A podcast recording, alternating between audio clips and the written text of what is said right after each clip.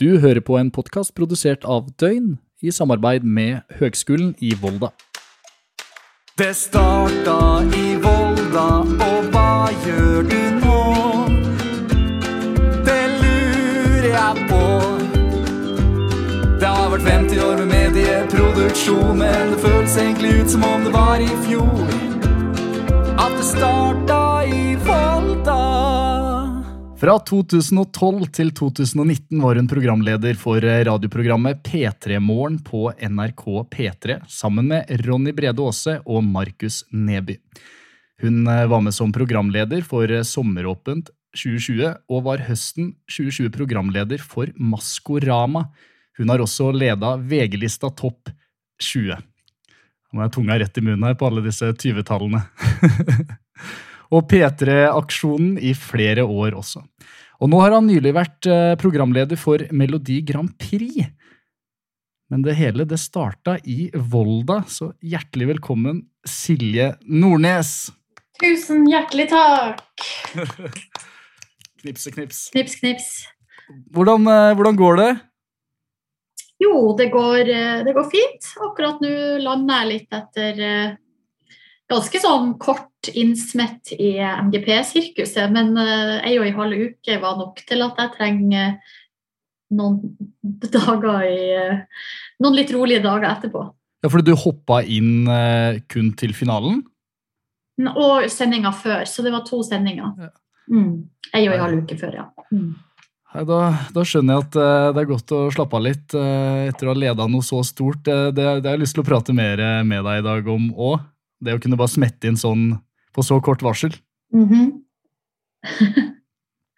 Men, eh, men før det så får vi jo ta og skru klokka tilbake til, eh, til Volda. Fordi Ja. eh, jeg regner med at du også har historier og tanker og, og ting å komme med fra, fra den tida du, du hadde i Volda. Så vi får bare skru klokka tilbake og se hvor du befant deg hen. Når du søkte deg til Volda, hvor var du igjen i, i landet? Og, og hva, hva skjedde? Da var jeg i, jeg var i Oslo og hadde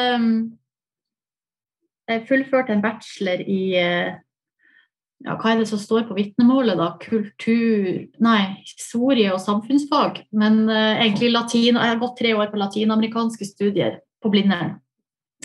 Og så var det en sånn eh, ja, en litt sånn periode der jeg var litt så på vippen at jeg egentlig hadde jo tenkt på Volda lenge, men jeg hadde liksom aldri tort å ta det steget.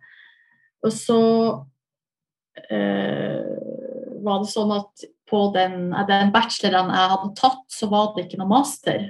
De drev og jobba med å lage en master til, den, til det løpet. Mm. Men det var ikke ferdig ennå, så da var så det var kanskje egentlig det andre reelle alternativet. da. Og da endte det med at jeg i stedet for å vente på det, søkte meg til Volda.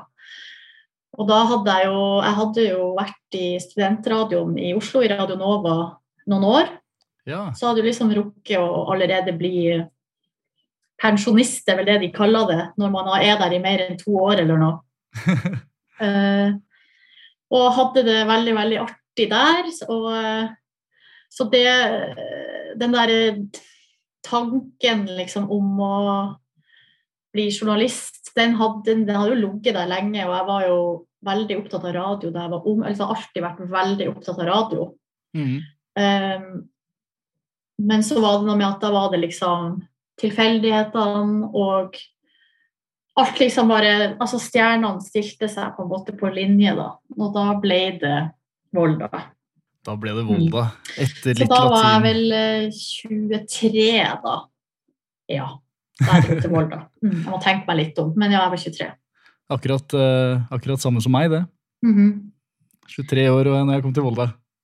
Ja, det er en passelig alder, det, men det er jo litt rart å tenke på nå at jeg faktisk følte meg gammel da, og også var en av eh, Altså, jeg plasserte meg jo i øvre alderssjiktet i klassen og sånn, som er jo helt absurd, fordi man er jo bare en baby når man er 23 år.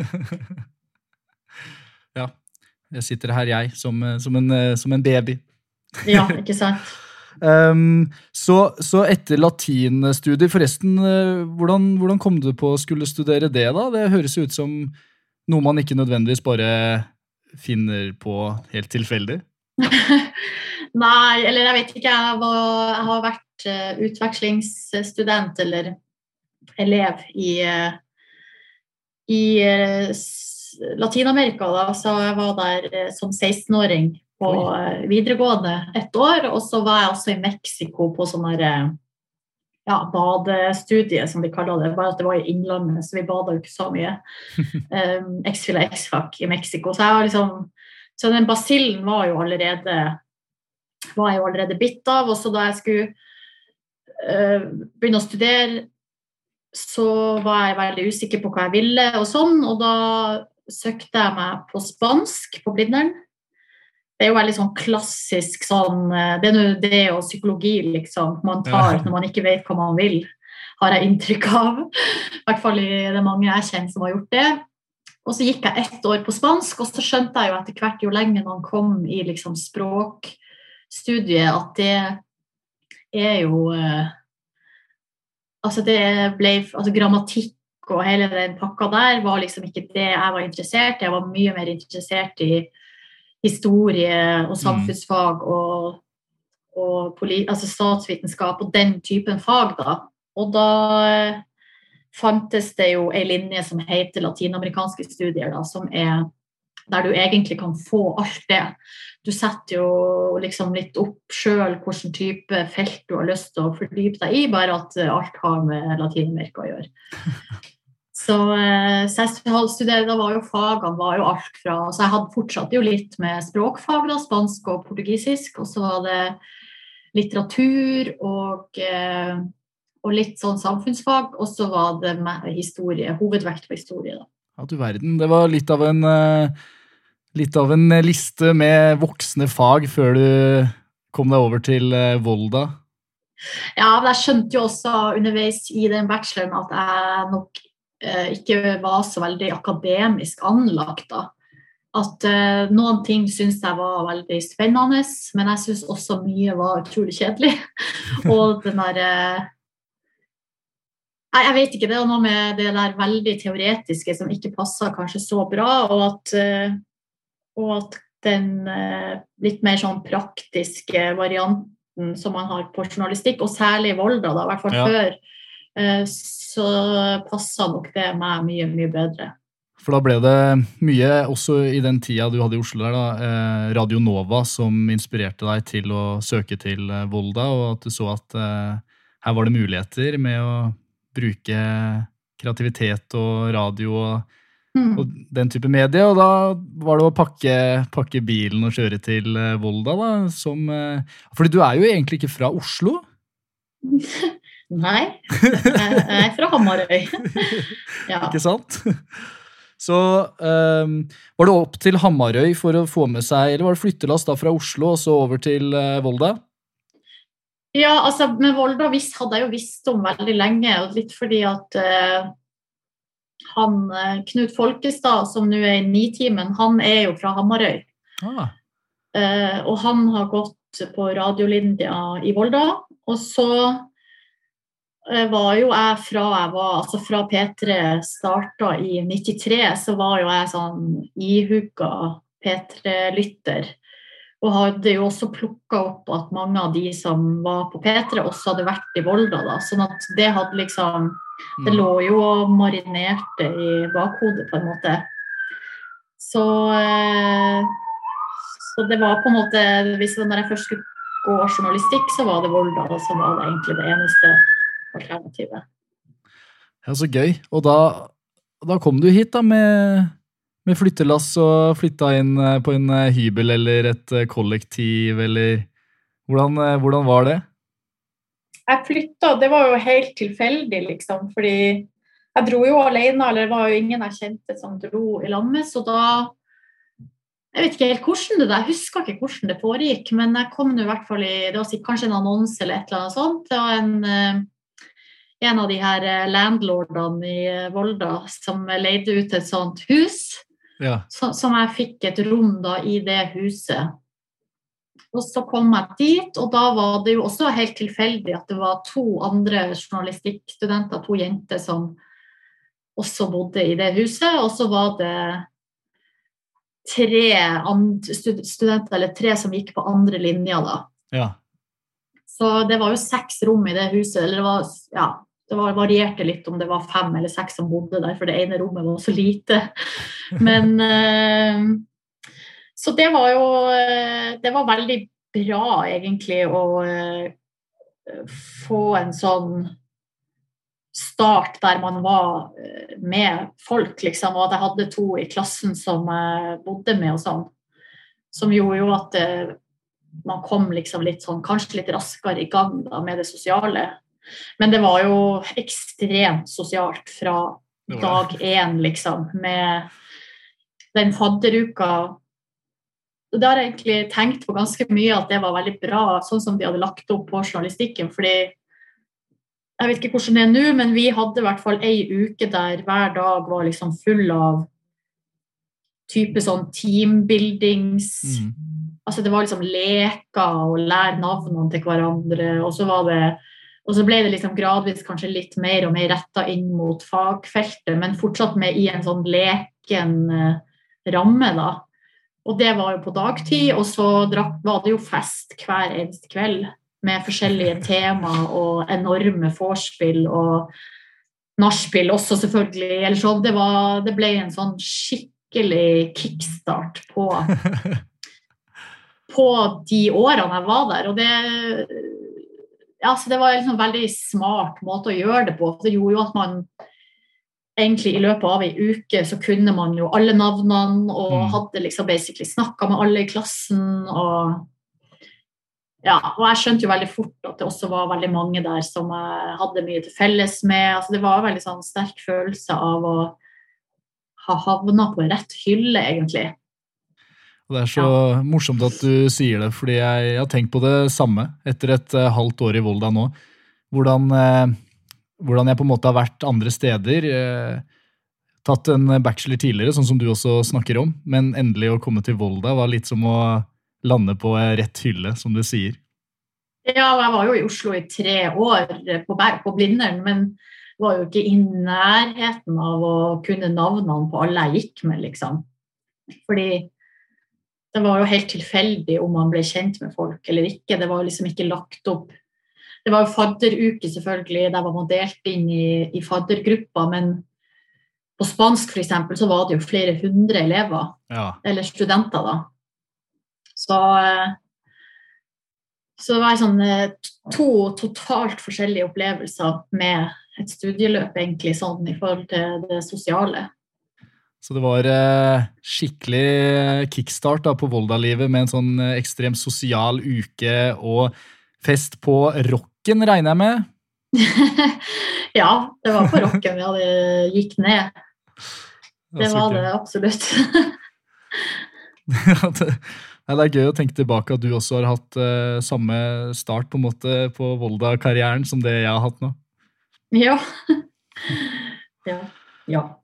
Og så eh, var det da eh, TV-radio som du studerte? Jeg studerte kun radio, jeg. Kun radio, ja. Mm. Og jeg tok det på to år, så jeg, hadde, Ja. jeg har bare én spesialisering. Nettopp. Mm. Og da ble, det, da ble det bare mye radiojobbing og sosialt liv og festing i helgene. og Åssen liksom eh, var en vanlig hverdag for deg i Volda? Mm.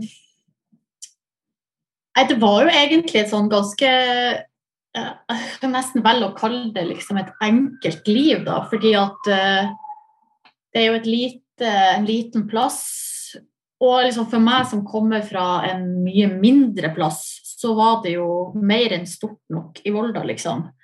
Det mangla ikke noe, syns jeg. Så det er jo kanskje noen av særlig Oslo-folk som kom, som syntes at det var litt lite. Mm. Jeg syns det var helt perfekt. Um, kort vei til alt og Så det var nå liksom Den hverdagen besto nå av å eh, dra på skoler og være på forelesninger og være på trening og eh, og så være med venner. Og jeg var jo litt sånn altså Jeg var, bodde jo i et ganske stort kollektiv og etter ett år så var det jo Så flytta de noen av de som bodde der ut, og da fylte vi jo huset med folk fra klassen, så da endte vi opp med å være kun journalistikkstudenter som bodde i det huset. Ah, så gøy.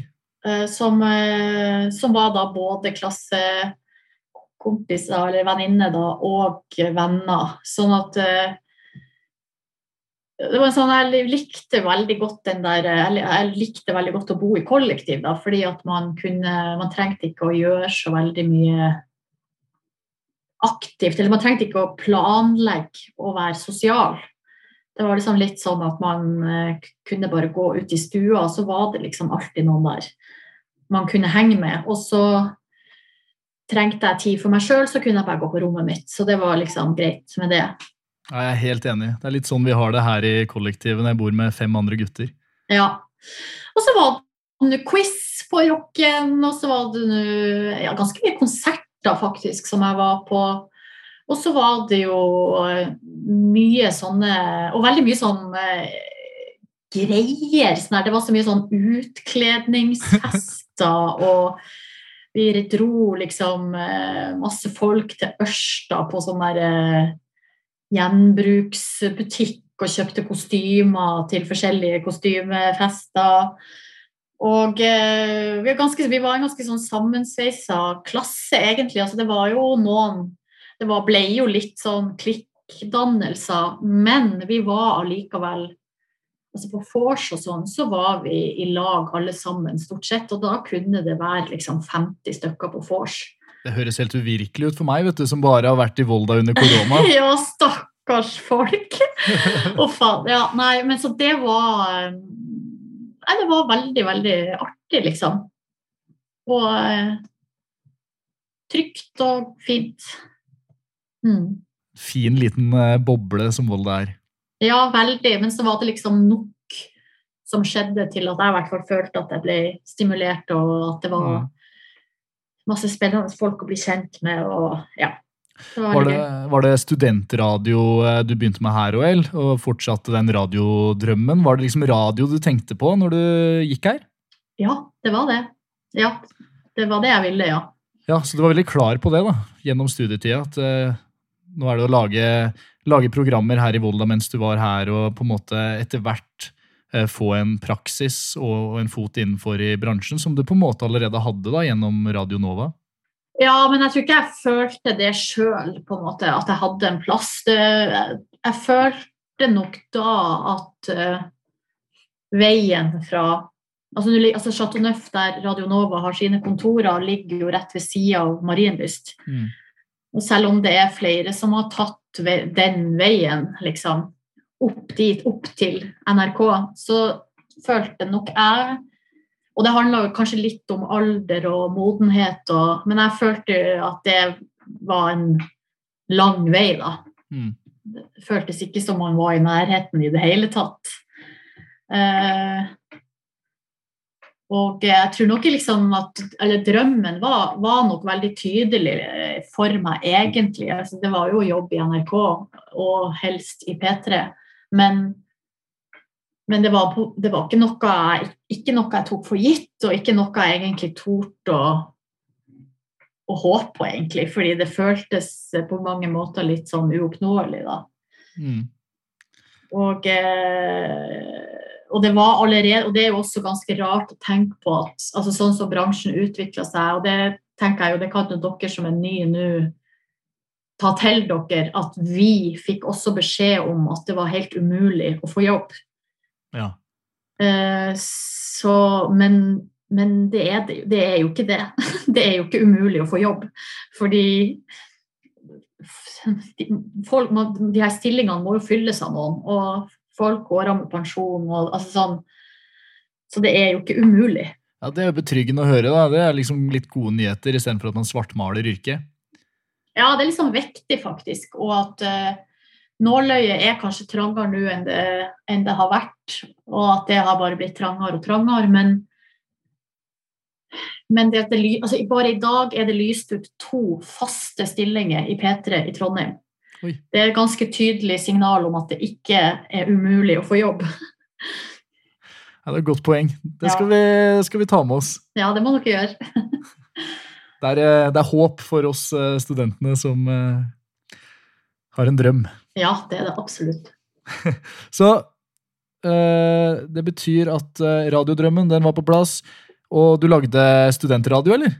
Ja, jeg gjorde det, men det var også litt sånn Det var bare på gøy, liksom. Hadde, det var ingen ambisjoner, eller altså, det var liksom Og det ble jo ikke sendt noe sted heller, det ble sendt på nett, så vi var litt sånn Ja, det var Det var jo Jeg vet ikke om du har hørt den historien, men eh, før vi kom til Volda, så gikk jo studentradioen i Volda på FM. eh, og delte FN-båndet med en sånn ja, Jeg tror det var noe sånn kristent greier oppe i Volda der. Det høres riktig ut. Ja, og så var det noen som Jeg tror det hadde vært liksom flere overtramp liksom, der de, de, de som de delte FM-båndet med, var litt sånn altså, nå, det her er ikke helt innafor. Og så var det vel en hendelse der det rett og slett ble for mye. Der Jeg tror det var, det var en konkurranse der noen drakk sperm på lufta. Og da var det over og ut for FM-båndet. og så jeg må bare ta høyde for altså, kild, Jeg husker jo ikke kilden på det her, og om det egentlig stemmer, eller om det bare var historie som ble fortalt. Men i hvert fall da vi kom, så var ikke studentradioen på FM. Det var nå helt sikkert. Det er en, god eh, vandrehistorie. Ja, Den eh, går fra generasjon til generasjon av Volda-studenter. ja ikke sant? Nei, vi, eh, vi har jo kommet oss på DAB nå, så nå må vi være enda mer forsiktige. Ok. Ja, ja. liksom- det er DAB-en nå, som vi så er så stolte av at vi kan høres på DAB til Ålesund. ja men det er bra. Så det, vi prøver å unngå spermspising. Ja, Unngå det. Det kan få uante konsekvenser. Husker du eh, noen av de konseptene dere hadde i eh, studentradioen, eller? Ja, men det var mye tull, altså. Jeg tror det programmet jeg var i lurer på om det het Kjerringprat? Eller var det et annet program? Herregud, nå blir jeg veldig, veldig usikker. Men vi, jeg var hvert fall med, vi var en gjeng med jenter som hadde sånn Det var veldig sånn snilt konsept, liksom. Og vi bare Mm. fant Det var bare testa ut ting og lagde litt reportasjer og litt sånn humor og, og tull og tøys. Og så, men det var noen andre jenter i klassen som hadde et program som var et sladderprogram. Nei. Jo da. Og der Det var sånn Gossip Girl-aktig, bare at de var jo ikke anonyme. Og der ble, var det noe, noe Det var litt drama i kjølvannet av, eh, av det, da. Helt, helt utrolig. Og så en liten bygd som Volda. Ja, og det var jo studentmiljøet liksom som det var sladder om. Så det var ja, det er små forhold, så, så det var vel kanskje litt varierende eh, hvor lurt det var, da. Men eh, det var jo gøy, det. Jeg tror vi har blitt mer PK jeg med åra. Det er vel en fare for det, ja. Det er- Kanskje det er bra, det. Ja, det er, eh, vi fikk streng beskjed. Og opplæring. At vi Ja. ikke skulle drive med noe sånn sladder på, på radioen eh, i studentradioen der. Og det, det, det er jo kanskje fordi det har skjedd før. Ja, ikke sant. Nei, så gøy. Eh, vi skal jo ha studentradio i kveld, så jeg skal jo opp dit og ha sending. Det, det er eh, Ja. stor glede i Volda-livet. Ja, ja, men det er veldig artig. Og det er lurt å gjøre det og leke seg masse når det liksom ikke ja, Når det på en måte ikke er så farlig, da, så kan man bare teste masse forskjellig og finne sin egen stemme og teste på utstyret og Mm. Ja, det er kjempelurt å gjøre det. Du husker kanskje du hadde praksis eh, her? Det er en sånn periode jeg er midt oppi nå. Ja, Å prøve å lete fram eh, saker hver eneste dag og skrubbe Volda, Ørsta og kommunene rundt sine gater for saker. ja. Det, Det er gøy. Ja, det er gøy og intenst. Mm. Ja, det er jo det. det men det, det er jeg, jeg husker nesten ikke så mye av det jeg egentlig gjorde. Og jeg tror liksom det Det er nok utvilsomt det jeg syns var artigst, var jo å jobbe med radiosendingene som vi hadde da. Og Mm. lage ja, både lage reportasjer, men kanskje det gøyeste syns jeg var å være delaktig i liksom liveavviklinga av sendinga. da, Å være produsent eller programleder var jo det utmerka seg vel ganske tidlig, at det var det jeg syntes var gøyest. Ja, Så kult. Og hvordan gikk reisen videre da etter to år i Volda? Gjennom at du fikk på en måte en eh, praksisplass eller noe sånt? Ja, eh, ja, det gjorde jeg jo. Altså, det var, når vi skulle velge praksisplass, så var jeg litt sånn eh, eh, usikker Eller da plutselig For jeg hadde jo egentlig alltid sikta meg mot eh, P3, liksom. Det var det jeg ville. Og så Men så plutselig så hadde jeg en sånn liten eh, periode der jeg plutselig skulle være seriøs, da. Og Ja. Begynte å liksom tenke på om jeg skulle søke meg mot mer sånn eh, Ja, P2 hadde jo noe sånn magasinprogram, det var sånn forløper til Ekko og altså den gjengen der. Ja, ja, Så jeg var litt sånn jeg, jeg begynte å vurdere det, og liksom Dagsnytt 18 og bare Ja, plutselig så var det akkurat som at P3 liksom ikke var kredd nok, på en måte. Fordi det var også veldig mange nyhetshunder i klassen min, liksom. Så selv om det egentlig ikke var min greie, så begynte jeg å snuse på det. Så, men så hadde vi jo Altså Jørgen Lyngvær var jo min lærer. Han, det var vel det første året han var i Volda. Ja. Var jo på mitt kull da. Og, så, og han har jo øh, Og han hadde ei, eller hadde, har ei venninne som heter Ragnhild. Eh, og hun er jo nå i P2 og, i, det, i den Eller hun har jo jobba med Salongen og de programmene der. Mm. Men hun- så kom hun og var en sånn slags eh, Altså hun var lærer i en sånn begrensa periode, mer som en sånn eh, rådgiveraktig. Ja. Med sånn inspirasjon og litt mentoraktig funksjon. Og så og så diskuterte jeg det her med henne, og, så, og typen hennes jobba jo på det tidspunktet i P3. Og så sa hun til meg liksom Men du skal ikke Du, du må jo søke der du alltid har drømt om å søke, liksom. Mm. Så da tok jeg jo kanskje til vett, på et vis. så søkte jeg meg til P3, da. Huska det. Og da det. fikk jeg plass i et program som het eh, Ja, så det var jo Juntafil. Var det det Eh, først? Ja, men det her var jo da Det var en periode at Juntafil ikke bare var liksom sexprogrammet. Da hadde de én dag i uka der temaet var sex og samliv. Men så hadde de jo sendinger om det var fem dager i uka, der de andre dagene var mer sånn utvida magasinprogram, liksom og Mm. kunne bare handle om alt mulig. Eh, Så da fikk jeg praksisplass i den redaksjonen, og det var veldig gøy, fordi at det var en ganske stor redaksjon, og det var også med ganske mye sendetid som skulle fylles. Ja. Og det var et magasinprogram, så det var jo sånn at nå er jo mange av programmene er jo såkalt profildrevet. Ja. Og da er det litt Da er det ikke så lett å komme seg på lufta, for da er det liksom bare programlederne som egentlig er på lufta. Mens eh, i Juntafil, da, på det her Og det var jo også på en måte forløperen til det som ble Hallo P3. Mm. Ja. Nå er det litt sånn P3-historie her, men i hvert fall så Ja, eh, Der var det lettere å komme seg på lufta. Så da fikk jeg liksom lagd reportasjer og fikk liksom lagd ting som faktisk ble sendt, da. Og det var veldig gøy.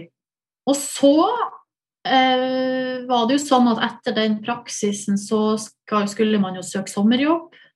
Ja. Og eh, jeg hadde jo fått veldig gode tilbakemeldinger i P3 og sånn, og hadde jo veldig sterkt håp om å få sommerjobb. Mm. Eh, Men så fikk jeg jo en telefon, ja, når var det, i mai eller noe sånt, der det var sånn eh, Vi var kjempefornøyd med din innsats og alt mulig sånn, men vi har dessverre ikke funnet en plass til deg i sommer. Så var det sånn ah, det var dumt. så da ble jeg jo lei meg, selvfølgelig. Men så var det litt sånn ja, OK, da må så, Og da hadde jeg jo ikke noe plan B. Så det var jo ikke sånn at jeg hadde andre jobber som bare var lina opp. Jeg hadde jo egentlig ikke søkt på noe annet i det hele tatt. Men så var det egentlig litt sånn hell i uhell, fordi at en måneds tid etterpå, da hadde jeg fortsatt ikke funnet meg noen annen jobb, da, Ja. så fikk jeg en ny telefon fra P3 der de sa at nå har en av de som egentlig skulle ha sommerjobb, har dessverre måttet takke nei pga. noe i, privat, liksom. Eh, så spørsmålet er har du muligheten til å komme Ah, yay. Om ei, og da var det sånn om ei uke, liksom. Eller altså, det var sånn kort varsel. Så da var det bare å hive seg rundt og Så, kunne, så sa jeg jo ja til det på flekken, selvfølgelig, fordi jeg, jeg hadde jo en helt åpen sommer. Så det var ikke noe problem. Ah, nei, men det er så godt å høre om, fordi vi befinner oss akkurat ja, Selv om vi er førsteklassinger, vi nå, da, så befinner vi oss i den derre i det der maset om å prøve å finne seg sommerjobb. Det er noen som får telefon om at de har fått jobb, det er andre som ikke får jobb. Altså det, så det er litt artig å høre at du også på en måte satt der og venta på en telefon, og at ikke det nødvendigvis gikk med første telefonen, og så kom det en etterpå. Mm. Ja. Så det Ja, det løste seg det til slutt. Og så, og så var jeg jo der da i eh, Og så ble jeg jo bare. Så da gikk jo Ja. sommeren, og så gikk det liksom over i en tilkallingskontrakt. Og så var det jo på høsten der så var det jo en periode med ja, mye usikkerhet og li lite jobbing og sånn, men så plutselig så øh, var hun som på det tidspunktet var reporter i P3 Morgen, var gravid. Ja. Og så var det litt sånn fram og tilbake, og så igjen da litt flaks, så får jeg et jobbtilbud fra noen andre, altså fra kommersiell kant. Mm. Og da hadde jeg jo plutselig litt eh, et forhandlingskort, liksom. ja.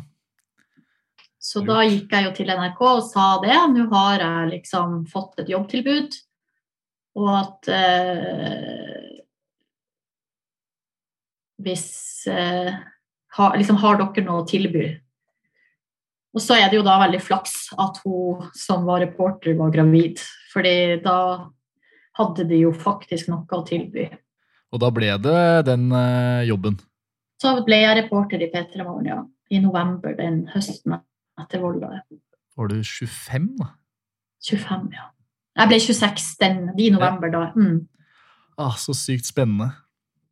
Ja, det var, ganske, det var ganske spennende, men det var også sånn Det var jo en tid der liksom eh, Alt var liksom så uforutsigbart, og kun, altså det var ingenting som var sikkert, og kunne ikke ta noe for gitt. Og, så jeg var jo på en måte bare det å få Bare det å få tilkallingskontrakt var jo så stort, liksom. Så eh, Ja, nei, det var ganske sånn det var litt sånn overveldende. Og, og, eh, og det å komme inn i den redaksjonen med, liksom, eh, med Ronny og Live var jo liksom også sånn Ja, det var ganske Det føltes jo helt uvirkelig, liksom. Ja, Fordi du kom inn til da Ronny og Live, som allerede var veldig etablerte der? Ja, eller de, På det her tidspunktet hadde jo Ronny og Live og Yngve hatt P3 Morgen i ett år. Så de var jo egentlig ganske nye, da. Relativt. Eh, ja. Og så var jeg jo reporter da i et, halvt, ett og et halvt år, Ja. var det vel, eller noe sånt. Og så da livet gikk jo ut, hun skulle lage TV, og det var da jeg ble programleder, da. Og da var plutselig drømmen som du hadde hatt siden du, før du starta i Volda. Ja, men jeg har egentlig, hadde egentlig aldri noe sånn uttalt mål om å bli programleder. Eller sånn, jeg ville jo bare jobbe med radio. Sånn at eh, Så det ble egentlig bare litt sånn til underveis, egentlig. Ja.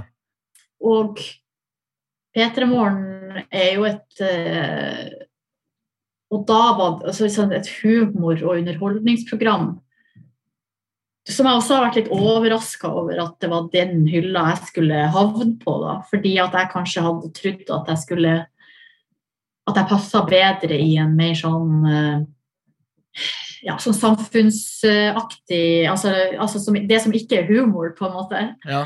Eh, men så det alt er egentlig litt tilfeldig. Det har bare skjedd, liksom. Så eh, Og det handla også litt om at liksom, samfunnsprogrammet lå jo i Trondheim. Altså verdens rikeste land og norske tilstander nå sist. Og, og Hallo Petra har jo også ligget i, i Trondheim. Sånn at eh, Og jeg hadde kjæreste i Oslo, så det var jo også litt derfor jeg søkte meg til Oslo. Mm. Så alt det har egentlig bare vært litt tilfeldig. Ja, nei, det er, det er jo sånn eh, Det er sånn jeg regner med at eh, den stien jeg skal gå, også kommer til å bli. Jeg aner jo, aner jo ikke hvor den kommer til å ta meg. Nei, så det er, noe det er jo bra å ha driv og håp og drømmer og ambisjoner og alt det der. Og så må man samtidig være åpen for å bare la seg sjøl lede, liksom. Og at det blir at også tilfeldighetene styrer litt. Sånn. Så det er jo et sånn samspill mellom Mm. alt. Ja, det er godt å høre. Og da ble det å vekke Norge sammen med Ronny og, og Markus. Eh, han var der også, eller kom han inn etter hvert? Han kom inn etter hvert. Ja, Var det deg og Ronny da, som vekka Norge først der? Ja, det var jo Det har jo liksom vært litt forskjellig. For først så var det jo Ronny og Live, og så var det meg og Ronny. Og så kom livet tilbake, og så var det jo faktisk Så det var jo et hardt år at det var meg og Ronny og livet i lag. Og så var jo Line Elvsåshagen der, og så kom Markus. Så, men det er, jo det, er jo nest, det er jo ti år, da, sånn at det er jo mye som skjer i løpet av ti år. Ja, fy flate. Men hvordan, hvordan var det, da? Å vekke Norge, stå opp så tidlig og dra på jobb, og hvordan, hvordan er det å, lede et så stort morgenprogram på radio? For det første så syns jeg det nesten høres litt skummelt ut, men eh, det er kanskje noe du venter deg fort til. Men òg konseptet å faktisk ha sending så tidlig. Eh, ja, det er jo et litt sånn vanskelig spørsmål å svare på, egentlig. Sånn, hvordan er det? Fordi det er jo så mangt. Men eh, først og fremst så er det jo Altså, radio er jo helt eh, magisk, og morgenradio er jo Mm. i hvert fall magisk. Altså, det er noe eh, veldig spesielt med å starte dagen sammen med lytterne, fordi det er jo en sånn tid på døgnet der man Der egentlig veldig mange er i liksom samme modus. Ja. Mer enn utover dagen, når man liksom bare sprer seg utover alle mulige slags eh, ja, modus, da. Mens på morgenen så er man liksom alle er trøtt, og alle er er man, kan, man er litt ekstra sårbar og litt ekstra følsom, og så vil man kanskje bare mest av alt vite at verden står, liksom. Og at det her skal gå bra. Så koselig. Så eh, nei, så det var jo kjempe Altså en skikkelig drømmejobb, liksom. Og veldig gøy å jobbe i en så stor redaksjon med så mye ressurser, og at vi liksom fikk eh, realisert så mange eh, ideer og drømmer vi hadde. Og eh, det fellesskapet som jeg opplevde at vi liksom bygde med lytterne våre, at det, var en sånn, det ble liksom en sånn skikkelig fin gjeng, da. Og ja, også det der at man også liksom, når man har når man, man bygger opp noe til å liksom bli såpass solid som det ble, så fikk vi også tilgang på utrolig mye fine gjester og spennende folk som vi kunne prate med og intervjue. Sånn, så alt det er jo bare en drøm, liksom. Jeg hadde møtt så mye spennende folk da, i den eh, jobben der. Ja, veldig. Og så er det klart at det å, det å leve, altså stå opp tidlig og den turnusen og alt det der, det kan jeg jo ikke stikke under stol at jeg syns var utfordrende da, og, og tøft, liksom. Eh, Men, men det holdt jo i lang veldig lenge. ja. Og det, og det viser nok kanskje bare at det var også veldig, veldig gøy, da. Men eh, jeg syns det var vanskelig å kombinere med et vanlig liv på sida, for at det liksom tok på en måte all det, Ja, tok all energi, egentlig. For du starter veldig tidlig på morgenen, vil jeg tro. Altså For det første å stå opp veldig tidlig, og så møtes. Når måtte du være i studioet? Nei, altså sendinga starta jo seks, og vi var, jeg var i studio klokka seks. Ja. uh, ja. Så vi eh, var ikke noe Vi møtte ikke så veldig mye før sending, egentlig. Og det var jo fordi at rammeverket var så tydelig, og Ja. at vi bare fylt, kom på jobb og så fylt inn. Liksom. Fill in the blanks. Så deilig. Ga- Ganske så improvisert, altså. Jeg vil si 100 improvisert. Det er så deilig. ja, eh, ja altså, men med det altså, Formatet og rammeverket var jo veldig tydelig. Ja. Men innafor rammene så var jo alt improvisasjon. Så det eneste som egentlig var planlagt, var jo gjestene og til dels liksom at intervju Vi hadde jo snakka gjennom intervju og Mm. fokus og hva vi ønska å snakke med gjestene om, og hva vi ønska eventuelt finne på med gjestene. og sånn. De type tingene var jo planlagt. Og så jobba vi sånn at vi hver for oss, altså jeg og Ronny da f.eks. i løpet av arbeidsdagen eller i løpet av døgnet, egentlig, det var jo en sånn slags 24-timers jobb, Ja. Hver for oss gikk og tenkte på og jobba med hva vi skulle bringe til bordet, liksom. Og da var ikke de andre forberedt på det. sånn at da var det litt sånn at man kom på jobb, satte seg inn i studio, og så kunne man si 'jeg har, jeg har noe', 'jeg vil Ja. si noe', eller eller så kommuniserte vi med produsenten om liksom hva vi hadde med oss av innhold til programmet, og så plasserte produsenten det utover i sendinga. Liksom. Ja, så gøy å jobbe sånn. Ja, veldig gøy, men også sånn Det er et hamsterhjul som Ja, ja. man må bare sprenge, hvis ikke så detter man, liksom. Jeg ser den, altså. Nei, dæven. Hva, hva, det er veldig vanskelig å svare på, selvfølgelig. Hva det morsomste på en måte du opplevde gjennom de ti årene der, det, det er vanskelig, vil jeg tro, å svare på. Men er det noe som stikker seg ut? For dere har gjort mye rart. Ja, det har jo, det, vi har gjort ekstremt mye rart. Så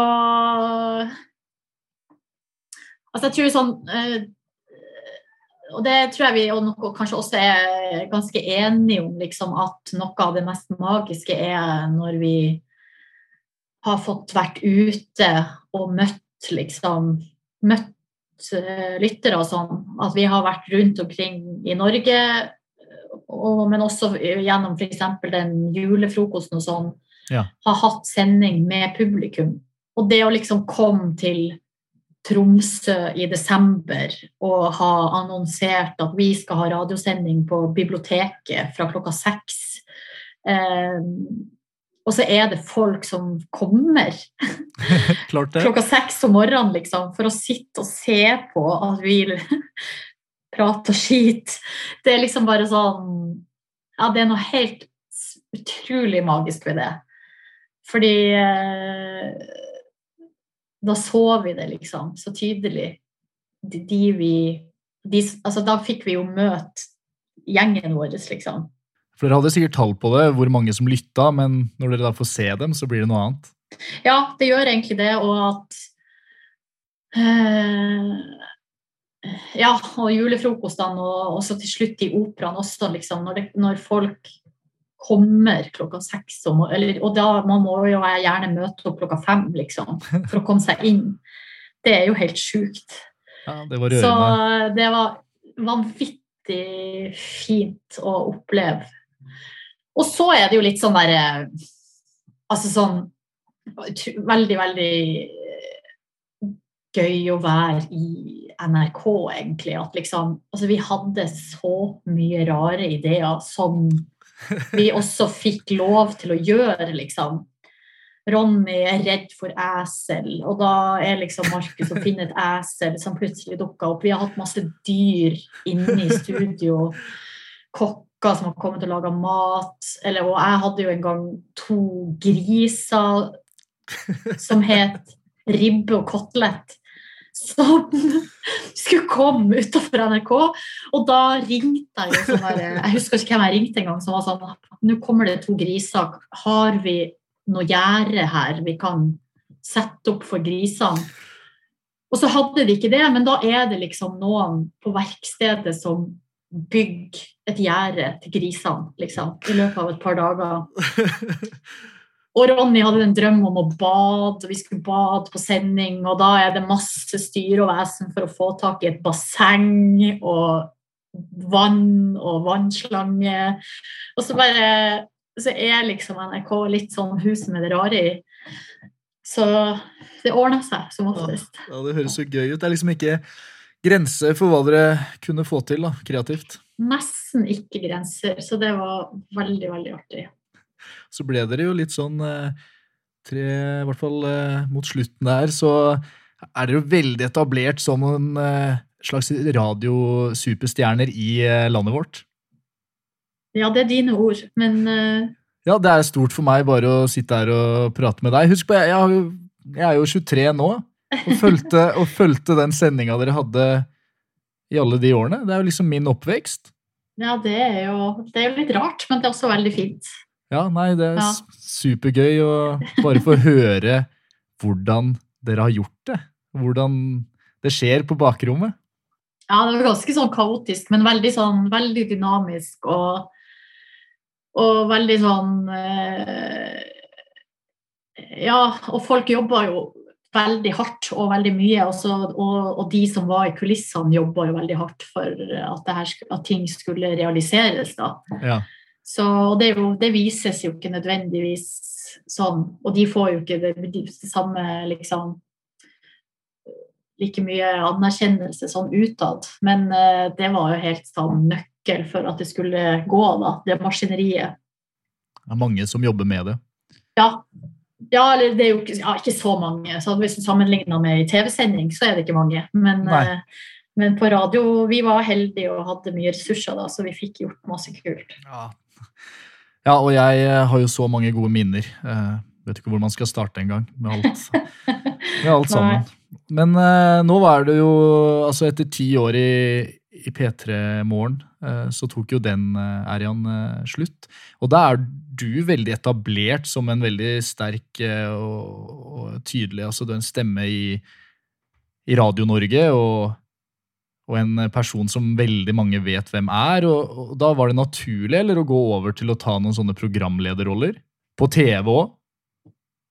Ja, eller jeg vet ikke. Jeg har liksom litt, tenkt litt at uh, når uh, altså når spørsmålene kommer, liksom, eller man blir spurt har du lyst til det her, så har jeg tenkt i hvert fall at uh, jeg har ikke noe å tape på å prøve, i hvert fall. Mm. Og at jeg syns jo at det er artig å prøve nye ting, da. Det har jeg jo egentlig alltid syntes. Og at det å være så lenge på én plass eh, Det er liksom både Det er jo en velsignelse, for da, da kan man bli så vel Altså maskineriet blir så velsmurt som det ble, på en måte. Men så kom vi jo også til et punkt der vi liksom i fellesskap også tenkte at nå er det fint for oss å gjøre noe nytt. Ja. Og egentlig også for jeg tenker sånn, Det var, det var på en måte passa veldig bra det at liksom noen andre kunne ta den plassen og man bygger opp noen nye, liksom. Og så har jeg jo egentlig Altså, jeg har aldri hatt eh, Det å være programleder på TV har aldri vært Altså, det har ikke vært min drøm. Min drøm har jo vært å være på radio. Ja.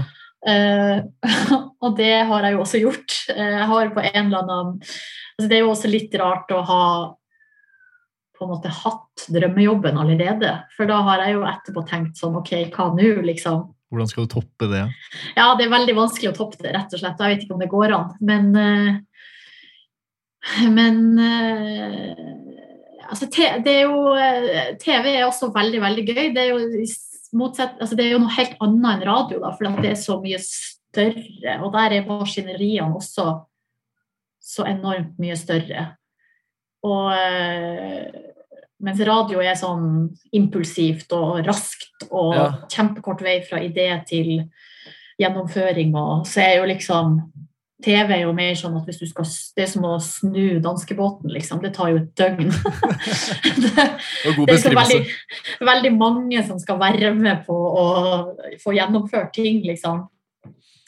Så eh, i hvert fall akkurat nå så syns jeg jo at det er, det er artig. Og så få muligheten til å reise, eller det å være med på Maskorama eller NGP er jo også sånn Det er jo show, show. Og det syns jeg også er veldig gøy. Og store suksesser du egentlig har fått være med på. da. P3 eh, Morgen, der, eh, den morgensendinga der som virkelig ble et fenomen. Og så eh, over til Maskorama, som hele Norge tok og kasta seg på. Altså, det var mye saker om Maskorama altså, den perioden det holdt på. Ja, det var gøy, det. Var det, var det ikke skummelt å gå fra radio over til en programlederrolle hvor du plutselig må vise enda mer ansikt og være en litt annen eh, type? Altså, jeg ser for meg det å gjøre fjernsyn, hvis jeg skal kalle det det. Så det må da være skumlere? Ja, både ja og nei. Altså, sånn, sånn som Maskorama, som er så, en så stor satsing som man ikke vet hvordan skal gå. Ja.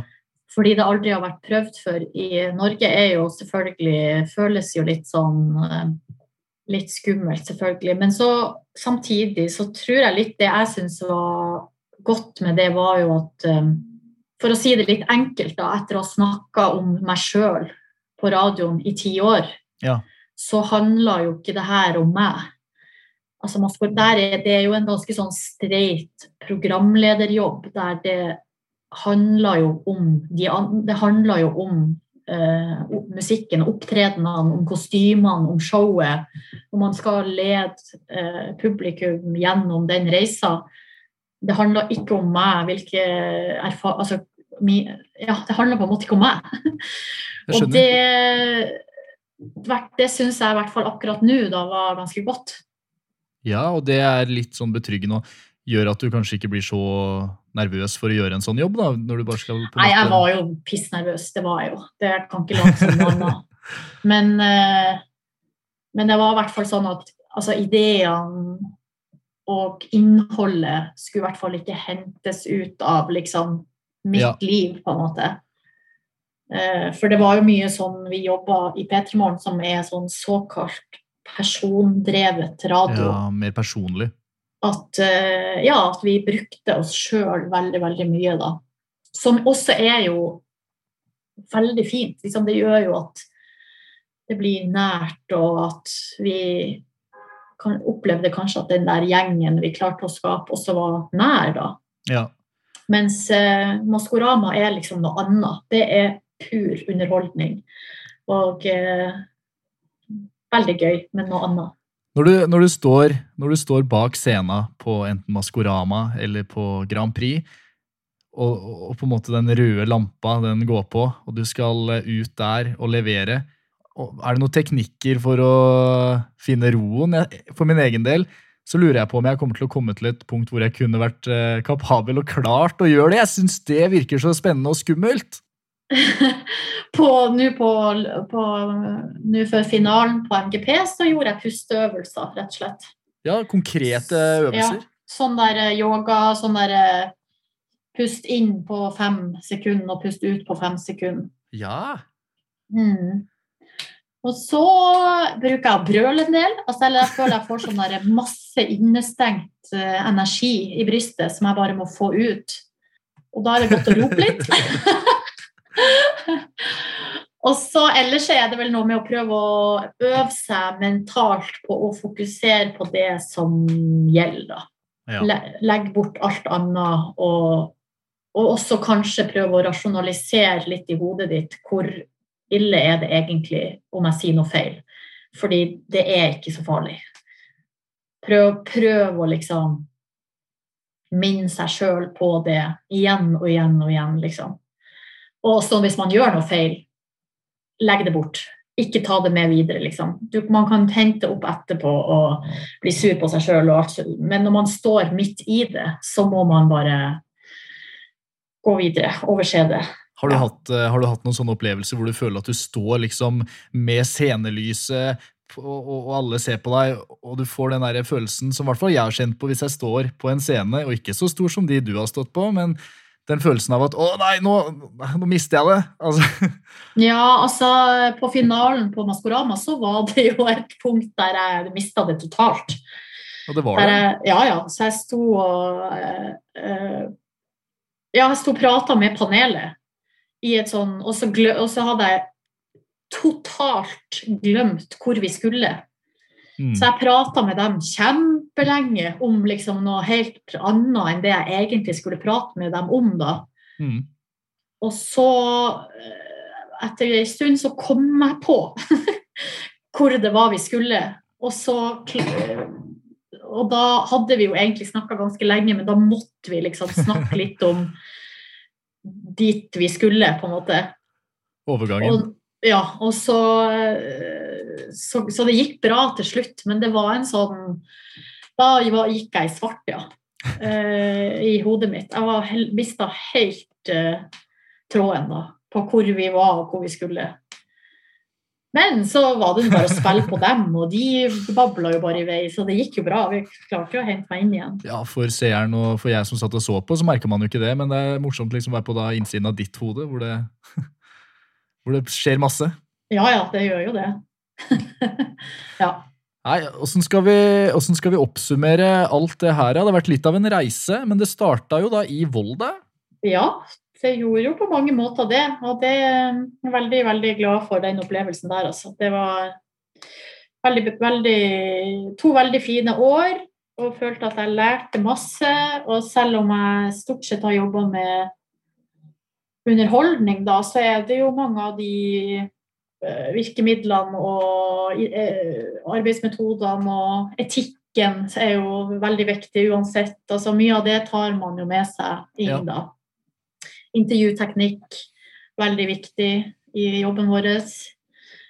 Og, eh, og så har jeg masse gode venner som er fortsatt som er kjempeviktige i livet mitt, som jeg møtte i Volda. da. Så nei, det var, det var en veldig fin opplevelse. Det har vært så hyggelig å eh, bli litt kjent med den eh, reisen du har hatt. Takk for at jeg fikk del. Ja, det er helt supert. Og jeg eh, sitter helt klistra til skjermen og lytter vet du, med begge ørene på fullt gap, hvis man kan si det. Det går an å si. Nei, helt supert. Jeg får bare takke for at du stilte opp, Silje, i podkasten. Det starta i Volda. og Lykke til videre. Er det, er det noen spennende prosjekter på gang? Ja, det er vel det, men jeg vet ikke om det er noe jeg kan si noe om akkurat nå. Ingenting du kan røpe til eh, Volda-studentene? Nei, det er nok ikke det. Nei, men Da gleder vi oss bare til å følge deg videre. Takk, takk. Takk det samme. Du har hørt en podkast produsert av Døgn i samarbeid med Høgskolen i Volda. Programleder var Erlend Arnesen. Det starta i Volda, og hva gjør du nå? Det lurer jeg på. Det har vært 50 år med medieproduksjon, men det føles egentlig ut som om det var i fjor. At det starta i Volda.